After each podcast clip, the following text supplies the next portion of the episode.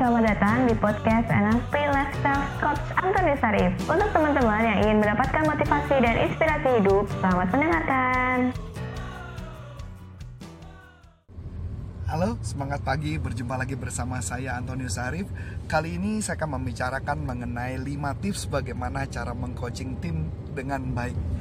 Kenapa topik ini menarik untuk dibahas? Karena begini teman-teman, karena saya menemukan bahwa cara metode lama dengan metode direct apa uh, direktif banget dan kemudian pakai metode marah-marah atau mungkin diktator itu sudah tidak cocok di zamannya sekarang sekarang zamannya berbeda, prosesnya berbeda. Karena apalagi seperti kita tahu bahwa teman-teman milenial sekarang lebih suka adalah dengan metode dia banyak ditanya dan idenya datang dari dirinya sendiri. Kalau kita misalkan langsung eh, kalau langsung kita malah ngasih tahu, malah marah-marah dan sebagainya, malah membuat mereka hasilnya nggak bagus. Nah ini ada beberapa hal alasan yang sangat menarik gitu ya, yang kebetulan artikel ini setelah saya tulis ada salah satu komentar dari John Sore, John Sore dia mengatakan bahwa kenapa kalau marah-marah atau direktif itu tidak bagus? Kata dia mengatakan bahwa sebenarnya kalau mama Anda marah-marah itu secara tidak langsung Anda mentraining mereka untuk tidak pernah berpikir. Jadi mereka berasumsi ya udah lu kasih tahu aja kalau nanti saya kasih komentar malah saya disalahin terus, mendingan saya nggak ngomong apa-apa. Dan jadi akibatnya malah nggak jalan dengan baik. Yang kedua, ketika Anda marah-marah, maka mereka juga akan marah balik sebenarnya kepada Anda, tapi mereka diam, dia pendem sama dia. Ketika dipendem yang jadi masalah apa? Mereka kerjanya jadi jelek, mereka kerjanya malah ngaco, malah sengaja malah malah mau berantakin. Itu yang terjadi. Bahkan kalau saya pun dulu ingat saya pernah kerja di satu perusahaan yang orangnya juga tukang marah-marah, itu saya tuh merasa bangun pagi tuh gini, aduh dimarahin apa lagi pagi ini nih gitu. Nah itu saya ngerasain juga proses kayak gitu. Nah kalau itu ada di posisi Anda, mungkin juga Anda akan merasa nggak nyaman berikutnya lagi juga secara tidak langsung itu akan mengurangi uh, otoritas Anda gitu ya. Otoritas Anda orang menjadi tidak percaya dengan otoritas Anda, Anda dianggap tidak capable melakukannya karena yang Anda tahu cuma hanya metode marah.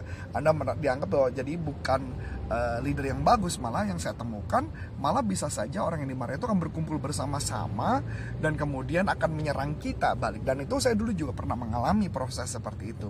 Karena metode anak milenial tidak bisa seperti itu, caranya berbeda ya jadi bukan caranya yang mesti dibaik adalah bukan mencari banyak musuh tapi bagaimana mencari banyak teman itu yang paling penting berikutnya adalah uh, anda membuat staff anda menjadi tidak respect sama anda. Itu juga nggak bagus ya karena mereka merasa bahwa anda cuma uh, karena mereka digaji jadi mereka bekerjanya ya jadi setengah-setengah tidak nggak bagus gitu ya. Dan kemudian juga kalau orang yang saya temukan kalau orang yang dimarahin itu malah kecenderung akan melakukan kesalahan berulang-ulang. Dia salah lagi nanti salah lagi salah lagi. Itu yang saya sering banget temukan tuh jadi uh, dengan dimarahin bukan berarti dia kerja makin benar malah tambah berantakan. Itu pernah kejadian beberapa kali saya perhatiin.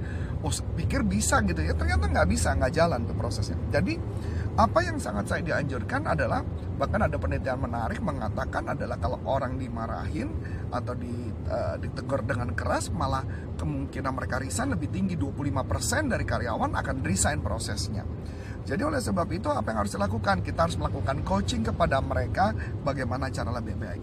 Cara mengcoaching yang paling pertama adalah Anda temukan dulu apa value mereka dan apa purpose mereka. Karena ketika Anda tahu value-nya apa, purpose-nya apa, purpose tujuan dia, maka Anda bisa lebih gampang mendevelop mereka. Jadi konekkan seluruh pekerjaan Anda dengan value dan purpose tadi. Itu dulu yang mesti yang saya katakan. Yang kedua adalah mencari apa faktor penghambat dia yang membuat dia tidak perform. Jadi kita tanya, apa sih faktor yang menghambat Anda untuk tidak perform? Dan apa sih yang menghambat Anda? Nah, ketika dia sebutkan apa yang menghambat, itu yang kita perbaiki, maka dia merasa kita membantu mereka.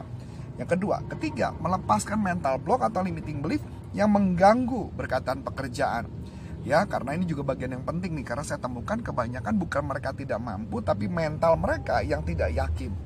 Yang keempat adalah cangking pekerjaan menjadi lebih kecil-kecil. Jadi pekerjaan lebih kecil-kecil dibagi berdasarkan bertahap. Karena ketika setiap orang kalau kita tanya, tahu nggak apa yang kamu kerjakan? Dia jawab, tahu, tapi sebenarnya nggak tahu. Jadi makanya dibuat dengan bertahap, maka hasilnya akan berbeda. Yang terakhir adalah dengan memberikan pujian. Ketika mereka pekerjaannya bagus, mereka hasilnya bagus, berikan mereka pujian. Kalau perlu pujiannya secara langsung. Jadi itu yang membuat mereka akan bekerja lebih baik. So itu tips yang bisa saya berikan kepada Anda supaya hasilnya akan jauh lebih baik. So saya Antoni Sarif mengucap banyak terima kasih. Sukses buat Anda. Salam performan. Bye bye. Nah, untuk teman-teman yang sudah menerangkan, terima kasih ya dan nantikan podcast selanjutnya.